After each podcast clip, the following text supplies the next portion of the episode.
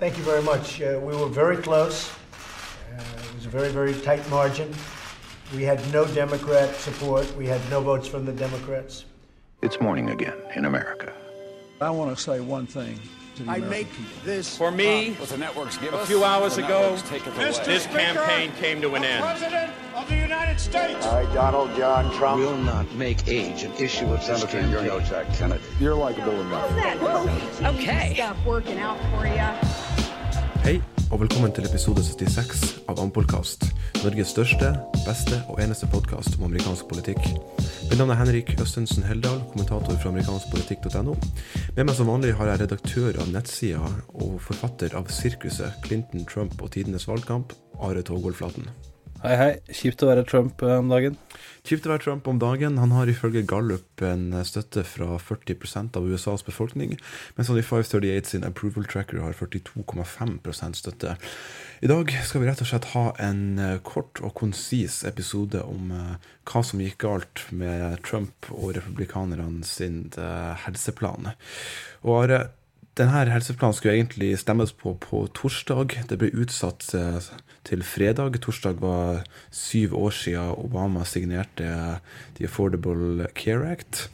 Den ble utsatt til fredag, gitt at de skjønte at de ikke hadde de nødvendige stemmene. Og deretter gikk det bare nedover, og til slutt så ble det her lovforslaget da kasta på uh, Kasta i søpla, rett og slett. Kasta på dunga. Og uh, Are, hva var det som gikk galt for republikanerne?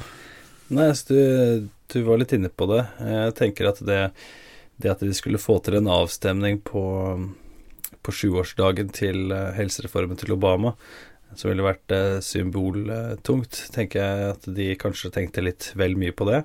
At de brukte for kort tid på det her. Altså Obamas eh, helsereform, Affordable Care Act, bedre kjent som Obamacare, brukte de jo mer enn et år på før de omsider fikk det igjennom. Altså det skulle kanskje bare mangle med en så stor eh, lovpakke, mens da alternativet, og det som skulle da erstatte Obamacare, eh, brukte jo da republikanerne eh, litt mindre enn tre uker på totalt. Dersom vi er litt mer rause, så kan vi si to måneder, dersom de begynte å tenke på det umiddelbart, eh, mens de strengt tatt da har hatt eh, sju år på seg eh, siden reformen ble iverksatt, til, til å komme opp med noen alternativer. Og republikanerne har hatt flertall i Representantenes hus siden 2011, så det at eh, det Paul Ryan sa i ettertid, at det var litt eh, en, en overgang, og skulle liksom kunne prøve å utforme noe lovforslag, gir heller ikke noe særlig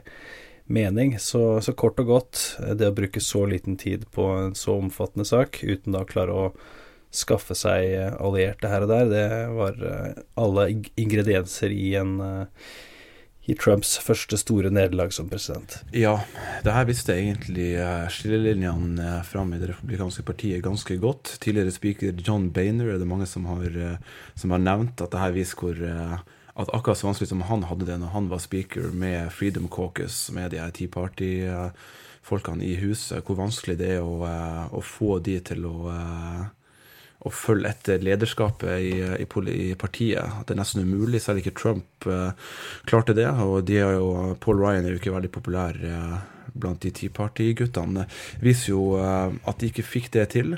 De ble nesten holdt gissel av, av Freedom Caucus når det kom til å faktisk prøve å hente inn de her stemmene som de absolutt ikke klarte. Politico hadde en fin artikkel over helga om kongressmann Jim Jordan fra Freedom Caucus, som har en, kanskje 30-40 medlemmer. At han hadde laga en plan for de med en gang det her lovforslaget kom frem, at de skulle stå sammen.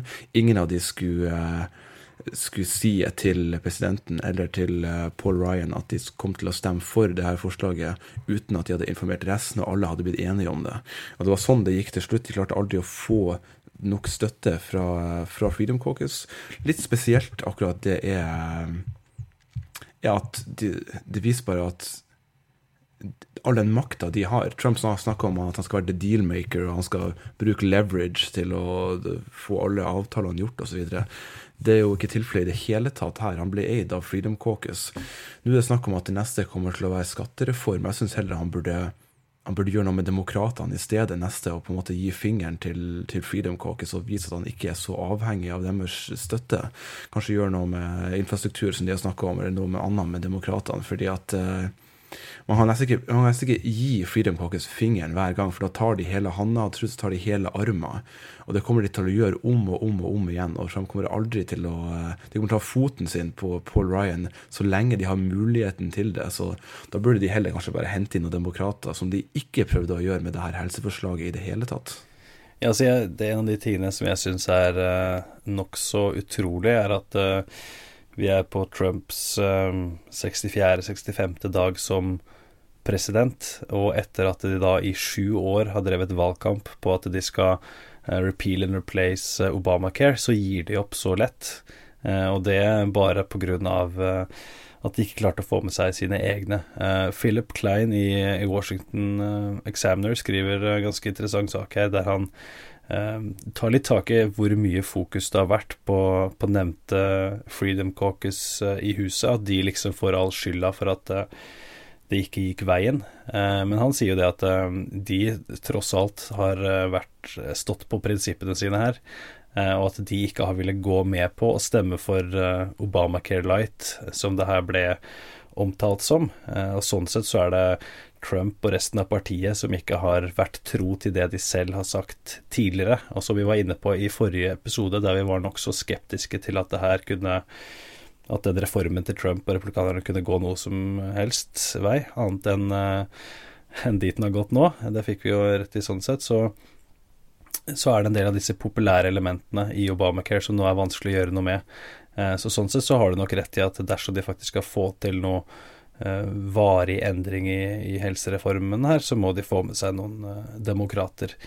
Eh, og det gjorde jo ikke Trump og co. i denne omgangen her, selv om han sa at nå skal han la dette eh, eksplodere, og da vil demokratene omsider se at, det, at noe må gjøres, da. Han, hans, eh, hans tro på at det er de demokratene som nå vil få all skylda for hvordan det vil eventuelt gå med Obamacare videre, er jeg ikke helt sikker på om stemmer, at, gitt at han er USAs eh, president som faktisk kan påvirke litt hvordan det går. Ja, altså jeg tror litt på det jeg, jeg kanskje spekulerte i for et par episoder, som var hvor mye Trump egentlig bryr seg om, om helsereformen, og at det kanskje er like greit for hans del å bare å bare tape denne kampen og så skylde på demokratene. Nå klarte han jo ikke helt å gjøre det på en måte hvor det virka legitimt å skylde på demokratene, selv om det er det han har gjort. Og han sier at når Obamacare eksploderer og eh, imploderer, har han også sagt, eh, som er sånn typisk republikansk talking point, at eh, Obamacare funka ikke, og til slutt så kommer hele systemet til å falle sammen. Så kommer demokratene til å komme krypende tilbake til, til Trump for å, for å, samarbeide. Nå har jo ikke demokratene nesten blitt involvert i denne prosessen, og det var jo en lov, et lovforslag de uansett ikke kunne, ikke kunne støtte. Men Trump kan derfor gå videre til ting han bryr seg mer om nå, da. Men hovedsakelig så syns jeg det at uh, Freedom Caucus kunne gjøre det de gjorde med lederskapet fordi American Healthcare Act, lovforslaget her, var en så, en så, dårlig, en så dårlig lovforslag, rett og slett. Så mange som kom til å eh, miste dekninga si. Vi snakka om det i forrige episode, at de ikke klarte å kommunisere at det handla om å få det tilbake til statene og få den føderale staten ut av helsepolitikk. Alt fokuset var på hvor mange som mista dekning. Det var svakere dekning, det var mye dårligere dekning for de med, eh, for de med psykologiske problemer. Det var økte priser gjennom taket på de aller eldste i samfunnet.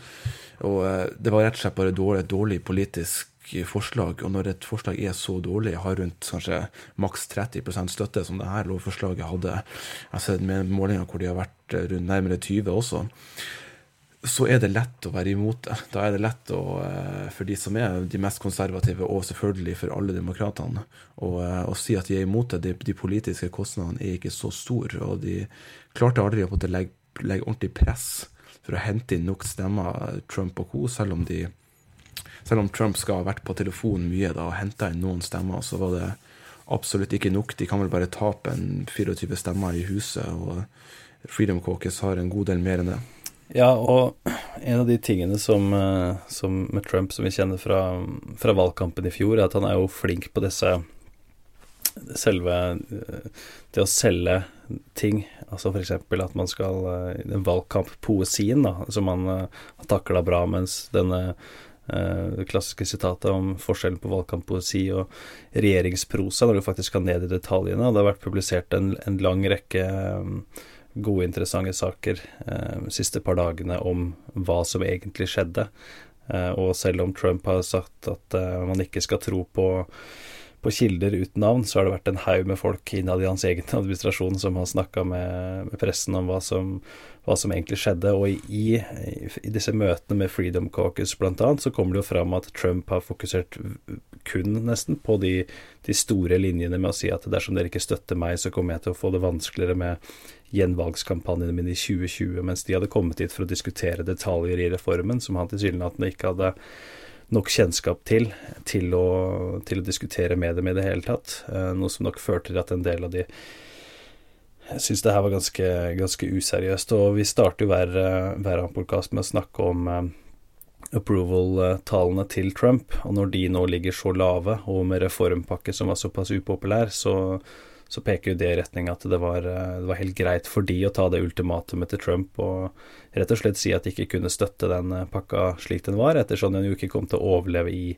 Senatet heller. Eh, og i, i, disse samme rapportene som jeg snakker om, så, det, så, så skrives det at Trump var nokså forbanna på, på Freedom Caucus. og i pressekonferansen han da hadde i Dovala-kontoret etterpå, så snakka han jo ikke om de, han la jo da skylda på Demokratene. Og som du sa, så virka det ikke helt, uh, helt oppriktig uh, og helt sannsynlig liksom, at de skulle få, få skylda for det her. Uh, men hvis man ser på Twitter-kontoen til, til, Trump nå i dag, så, jo, så legger han jo skylda på, på, Freedom Caucus. Da sier han at demokratene smiler i DC pga. Freedom Caucus som Club for Growth og Heritage, som har redda Planned Parenthood og Obamacare. Så Tone har fått en litt, litt annen lyd etter at han har vært og Pipa har fått en litt annen lyd etter at han har vært og spilt eh, golf eh, i helgen. Så, så, det er nok Og det, han sendte jo også ut en twittermelding eh, lørdag kveld der han ba eh, Twitter-følgerne sine om å se på Judge eh, Janine på Fox News, og hun starta jo da med å gå rett til angrep på, på Paul Ryan. Eh, og det er allerede starta en liten kampanje blant flere konservative i en underholdningsfløyen av det republikanske partiet, om vi skal kalle det det, som nå går etter Paul Ryan. Og det gir han skylda for det her. Ja, jeg er enig med det at uh, det du sier om at Trump ikke var interessert i detaljene. Ikke det at presidenten skal sitte og skrive ned alle detaljene osv. osv. Det er jo ikke hans jobb. Men uh, Steve Bannon skal jo ha starta og åpna et sånt møte med Freedom Caucus i Det hvite hus med å si at uh, det her er ikke en diskusjon, det er ikke en debatt. Dere har ingen, ikke noe valg, dere er nødt til å stemme for det her lovforslaget. Og det var tydeligvis etter de rapportene der eh, ikke veldig populært. Det var en som hadde svart, en av de som hadde sagt at forrige gang jeg fikk beskjed om at jeg ikke hadde noe valg, så var det faren min eller et eller annet. Jeg hørte ikke på han da, og det kommer ikke til å akseptere noe lignende nå. Så det var liksom en ganske dårlig start på et møte, hørtes det ut som. Ja, det er jo en president Trump som uh, nå våkna opp til realitetene i uh, i Det hvite hus, og når han faktisk må, eh, må, holde sitt eget parti i, eh, i, styr, som er veldig vanskelig. Trump the dealmaker, hele den eh, personen der, ser jo fryktelig dårlig ut nå. Men det er starten av en presidentperiode. Han har veldig mye å lære. De som han har som, som rådgivere som ikke har vært i politikken, eller politikken på det nivået, har også veldig mye å lære. Så det er en del Det er litt sånn støttehjul som, som blir tatt av nå, og det er, det er som en unge på støttehjul som som krasjer etter han tar av støttehjulene. Sånn er det bare. Det er noen, eh, de må gjennom noen sånne. De ser fryktelig dårlige ut nå, men de kommer sannsynligvis til å være sterkere neste gang og ikke være, ta ting like for gitt. Den loven blir bare skrevet opp veldig fort i, i, hemmelighet av noen eh, moderate republikanere i lederskapet, Ryan og de, og så skulle de liksom bare make a deal og bla, bla, bla. Og det var jo en helt li, utrolig lite gjennomtenkt uh, idé. Ja, er, eh, jeg syns det er merkelig. Altså, jeg nevnte dette at de har drevet valgkamp på det så lenge, og når de omsider får muligheten, så er det så halvhjerta, da. Eh, at det, det, nesten er som man lurer på om eh, de, de vet det er for komplisert. At dersom de faktisk skulle fått noe gjennom, så ville de ha fått all skylda. Og at det her kanskje er en grei, grei utvei, i hvert fall, i hvert fall på kort sikt. Ja, altså det her er jo en slags Det som, De har samme taktikken som hun som han George i Seinfeld data i en episode. Det er bare 'write a bill', yada, yada, yada, sign into law'. Og de har ikke fått med seg hva som er yada, yada, yada, altså som er den viktigste delen.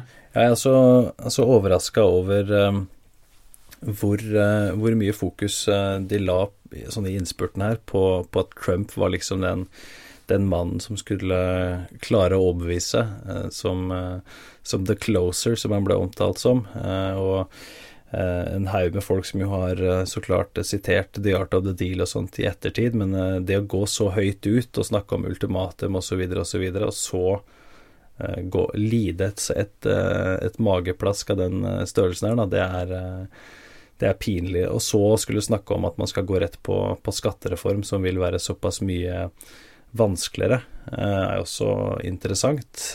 Og spennende å se hvordan de nå klarer å på en måte restarte Trump-administrasjonen her og prøve å få det litt inn på, på rett kjøl. For det, det å skulle starte med helsereformen og, og få det utfallet her, det, det er merkelig. Og så er det én ting som ikke har blitt snakka så særlig mye om. Uh, altså Det har vært skrevet uh, og snakka veldig mye om uh, Freedom Caucus i amerikanske medier og norske medier også, men ikke like mye fokus på denne Indivisible gruppa som vi har snakka om tidligere, og alle disse demokratene som har samla seg i protest mot, uh, mot Trump. Uh, sett noen saker som går på hvor mange telefonsamtaler uh, medlemmer av Kongressen fikk, og det var tusenvis. Og det var drøy forskjell på hvor mange som ringte og støtta reformen, og hvor mange som var imot. Så det skal heller ikke undervurderes her, altså hvor mange som faktisk ble bombardert av av telefonsamtaler fra, fra sine egne eh, om den reformen her. Og det førte jo også til at eh, mange moderate, eh, mer moderate republikanere eh, også ga uttrykk for at de ikke kom til å ikke kom til å støtte det her. Og ved at man ikke har hatt den avstemningen, så vet, vil man jo aldri vite hvor mange som faktisk hadde stemt nei. Når Trump sier at de, de var nærme, så tror jeg nok det, det, er en, det er en overdrivelse. Spent på hvor mange som faktisk hadde planlagt å stemme nei her. Ja, sannsynligvis nå når de, man ser at loven ikke kommer til å passere. Så hvis de skulle hatt en avstemning, så ville, så ville de mista veldig mange stemmer, selv, selv fra ja-kategorien, når det ikke kommer til å gå igjennom. Fordi at det, det er bedre å stemme flertallet. Men demokratene har jo ikke veldig mye spillerom, som du sier nå, med den her indivisible-bevegelsen, og de er nødt til å nødt til å spille på lag med det, den basen de har, og ta det med seg inn til 2018 og prøve å vinne tilbake huset da. Og det er jo derfor at kanskje de mest moderate republikanerne, folk som er fra valgkretser som ble vunnet av Hillary Clinton, de ser ikke det som en veldig god idé å stemme for dette lovforslaget. Og da mista du fra begge fløyene av det republikanske partiet. For de mest sårbare republikanerne kan heller ikke gjøre det. Så det, alle er redd for uh, gjenvalget sitt. Freedom Caucus. Stem de for det, så kommer det en en ny Tea Party-fyr stiller imot det i primærvalget, og sammen med, med de moderate republikanerne, som at demokratene ser en sjanse til å, til å fylle de setene i, etter valg, mellomvalget i 2018. Så alle de tingene der er, er hele tida i spill, og det kan vi se veldig mye fremover, at demokratene kanskje ikke har lyst til å samarbeide så mye med republikanerne fordi de er redd for nettopp det. Ja, og Nancy Pelosi er jo eh, altså tidligere speaker, har jo nå i det siste blitt eh, eh, genierklært for hva hun faktisk klarte å få til eh, i sin tid, med hvor, eh, hvor, god kontroll hun hadde på sine egne. Eh, og det er jo altså Det er jo en grunn til at folk eh, tvitrer bilder av at eh, John Bainer driver og klipper plena si eller drikker rødvin og, og, koser seg i disse dager. Eh, fordi Paul Ryan har jo ingen, ingen lett jobb når man har en sånn, sånn solid bolk på høyresiden i partiet som, som av prinsipp ikke vil stemme for noe som de ikke kan si seg helt, helt enig i, så er jo det veldig vanskelig å få til uh, noe som helst. Uh, Hillary Clinton var jo ute og, ut, tvitra her uh, og, og feira det her som en, en seier. at det ikke blir noe videre forsøk på å fjerne um, Obamacare. Så det er jo det første jeg har hørt fra henne på en, eh, på en stund. Ja, jeg skal snakke uh, sannsynligvis mer om uh, helsepolitikk når den tida kommer, og andre ting i, i videre episoder av Ampolkast. Men det er en litt kortere episode denne uka. Vi skal ta ukas tilbakeblikk, og så skal vi se videre på uka som kommer, før vi avslutter. And it turns out Bob Kerry was coming out of the bathroom of that pizza restaurant, and C-SPAN was rolling their cameras. And I asked him a question. We're going to stick with them all the way to the end.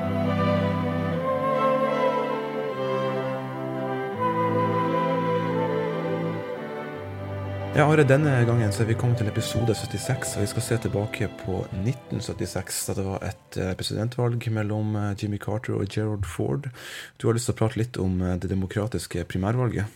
Ja, og som jeg skriver i, i sirkuset i boka der, så, så starter jo valgkampene nå i, i Iowa på begge, begge, sider, for begge partier. Og det har ikke alltid vært slik at presidentkandidatene av en eller annen grunn har begynt å å snakke om hvor høyt de elsker eh, Iowa, men Jimmy Carter var den som, som først uh, virkelig da tok turen til Iowa tidlig, fikk masse presseoppmerksomhet, tok turen til Iowa State Fair, og sånn sett klarte å skille seg ut fra alle de andre. Han vant nominasjonen og senere valget, bl.a. ved hjelp av Peanøttbrigaden fra Plains i, i, Georgia. En av de tingene som som jeg syns er interessant med, med, Carter, om hvordan denne guvernøren fra, fra, Georgia fikk det for seg at han skulle stille som president, var at han hadde besøk fra en rekke ulike presidentkandidater i, uh, i 1972, um, som, som, kom for å, for å godsnakke med, med, Carter, og han så på en måte at det, det her er jo helt, helt vanlige, middelmådige Eh, politikere. Hvorfor i all verden eh, Det er sånn de stiller som presidentkandidat, hvorfor kan ikke jeg gjøre noe lignende? Eh, sånn ble ideen født, og han satsa og, og vant, og driver nå fortsatt søndagsskole i, i Plains med jevne mellomrom, som vi kan høre i en reportasje i, litt senere i denne sesongen av Ampokast. Ja, og det er det som egentlig er så fint med primærvalgsystemet i USA, syns jeg, er at alle har egentlig en mulighet, fordi at det begynner så smått. Dette var jo et felt i 1976 som er fullt av eh, demokrater, så, og ingen eh, kanskje en stor figur som eh, Hillary Clinton i, i 2016. Det gir på en måte alle en, en sjanse, istedenfor at det er én primærvalgsdag hvor alle statene stemmer samtidig, f.eks. Da er den kandidaten med mest penger som automatisk vil, vil vinne, som har råd til reklame i flest stater osv. Når du kan gå fra én stat til den neste, så får du eh, mye mer dynamisk system, og folk kan måte, bevise seg litt mer over tid. Da. Og det man ser i sånn sett House of Cards, når, de, eh, når eh, Frank er hjemme og driver, driver gjenvalg og leier en, en pickup truck, og så en fyr som leier ut pickup trucks til eh, til politikere og politiske kandidater, så er det sånn det er i, i Iowa. Det vet jo du veldig godt, som har, som har vært der en del, at uh, de kjører, med mindre du er selvfølgelig Hillary Clinton og er i en, i en svær, svær, suburban, eller du er Donald Trump, så, så, er du i en, som regel i en pickup truck, truck og, tar, og drar til alle 99 counties som Rick Santorum uh, og mange andre har gjort og har funnet suksess med i Iowa. Så det er egentlig en av de mer positive delene med systemet i USA, syns jeg er representert ved primærvalget, eller caucusene, i Iowa. Ja, en del av de også herlig naive, da. At man fortsatt faktisk har tro på at det er sånn det fungerer. Uh, noe Martin O'Malley kanskje var et eksempel på i, i, 2016. At han hadde liksom den troen på at det fortsatt var mulig å gjøre det på den måten, men uh, klarte jo ikke å komme ut av skyggen på, på Bernie eller Hillary. Ja, og vi er selvfølgelig er vi tilbake i, i Iowa når vi kommer til 2020. Men før den tid så blir det vel neppe så utrolig mye Iowa-prat, uh, vil jeg tro, på den, i den podkasten her. Men uh, Ja, vi kan, vi, kan, vi kan, klare å lure inn, vi lurer inn, vi lurer, anekdoter her og der. Ja, nei, Iowa kan vi alltids, uh, alltids finne tid til. Men vi skal i hvert fall snakke om det som vil skje denne uka. Det viktigste som vi har snakka om nå, er at Trump skal hoppe over til, til skattereform, eh, bort fra helsereform. Jeg vet ikke hvor mye vi blir å se av det kanskje i, i uka som kommer nå, men det er i hvert fall litt sånn, litt sånn på horisonten, i hvert fall. Mer denne uka er det jo eh, det blir jo spennende å se hva demokratene gjør med høyesterettsnominasjonen til Neil Gorsuch, som du snakka varmt om i forrige uke. Denne uka, eh, eller over, over helga, så har det vært litt mer negative utviklinga for Gorsuch, med at uh, eh, minoritetsleder i Senatet, Chuck Schumer Mm. fra New York, har sagt at han ikke kommer til å stemme for. Og det er snakk om kanskje det blir en filibuster av demokratene for å prøve å nekte republikanerne de 60 stemmene som de, som de vil trenge. Ja, altså jeg, jeg hørte, hørte opp med det der. Jeg tenker at det er eh, De muligens bør bruke energien sin på noe annet. Eh, Men de har kanskje kalkulert med at eh, de trenger en, eh, trenger en fight for å, for å samle tilhengerne sine. Eh, og så vi var Vi snakka litt tidligere om Pelosi, noe som peker litt samme retning med tanke på strategi. Eh, det at de ikke ønsker å gi Trump noen sånn derre eh, bipartisan eh. Altså det vil si ikke gå med på noen slags reform fordi det er Trump som vil stå der som seierherren, selv om eh, demokratene kanskje skulle være enig i deler av det. Så det er kanskje noe av det samme her også, at man ønsker å eh, markere klare fronter eh, mot, mot republikanerne. Men eh, ja, vi får se hvordan, eh, hvordan det går. Men han har ikke gjort, eh, gjort noen dårlig figur heller, foreløpig i disse Nei, høringene. det er jo en balansegang det her mellom uh, den venstresida vi snakka om i stad, som ikke vil samarbeide med republikanerne på noen mulige måter, som ikke liker Gorsuch når det kommer til uh, kampanjefinansiering eller uh, andre konservative uh, standpunkter som han har tatt, og også det at Gorsuch er populær og Gorsuch er kvalifisert osv. Så, videre. så det vil nok ikke være en organisert filibuster med hele partiet. Det vil nok være eh, at hver eneste senator er nødt til å, nødt til å ta sin individuelle vurdering. Og mange eh, demokrater i, i eh, konservative delstater som sannsynligvis ikke har noe valg enn å stemme for Gorsuch, så vidt som jeg ser det. Så nøyaktig hvordan den balansegangen kommer til å ende, om de får 60 eller ikke, eller om republikanerne er nødt til å endre reglene i Senatet for å få det ned til 51, det vet vi ikke. Men denne uka her så kommer vi i hvert fall til å se veldig mye eh, i den utviklinga der, og det kommer til å bli kjempespennende å, å følge med på. Det blir veldig spennende å følge, og også interessant å se hva, hva Trump nå eh, velger å gjøre for å, for å forandre narrativet, som nå er eh, bygd opp. Og jeg skulle jo tro at en, eh, en høyesterettskamp kan være noe som vil få fokuset opp blant. Det vil nok eh, sannsynligvis være positivt for han. Men eh, vi får se på dem. Det var alt vi hadde tid til i ukas Ampolkast. Vi setter stor pris på om du tipser av venner, medstudenter, kollegaer eller tilfeldig forbipasserende om podkasten vår, så vi kan nå enda flere. Gjør du det ikke allerede, så anbefaler jeg deg både å starte dagen med vårt nyhetsbrev Morgenkaffen, som er altså å lese vår ukentlige spalte Esler og elefanter, eh, våre nalme som skriver denne uka. Eh, I tillegg så eh, kan du følge oss på Facebook, der vi heter noe så enkelt som amerikansk politikk, mens Ampolkast også har sin egen side. På Twitter følger du oss på ett ampolitikk og ett ampolkast. Der finner du vår redaktør på ett Are Flaten og undertegnede på ett Henrik Heldal. They weren't going to give us a single vote, so it's a very difficult thing to do. I've been saying for the last year and a half that the best thing we can do, politically speaking, is let Obamacare explode. It is exploding right now. It's uh, many states have big problems. Almost all states have big problems. I was in Tennessee the other day, and they've lost half.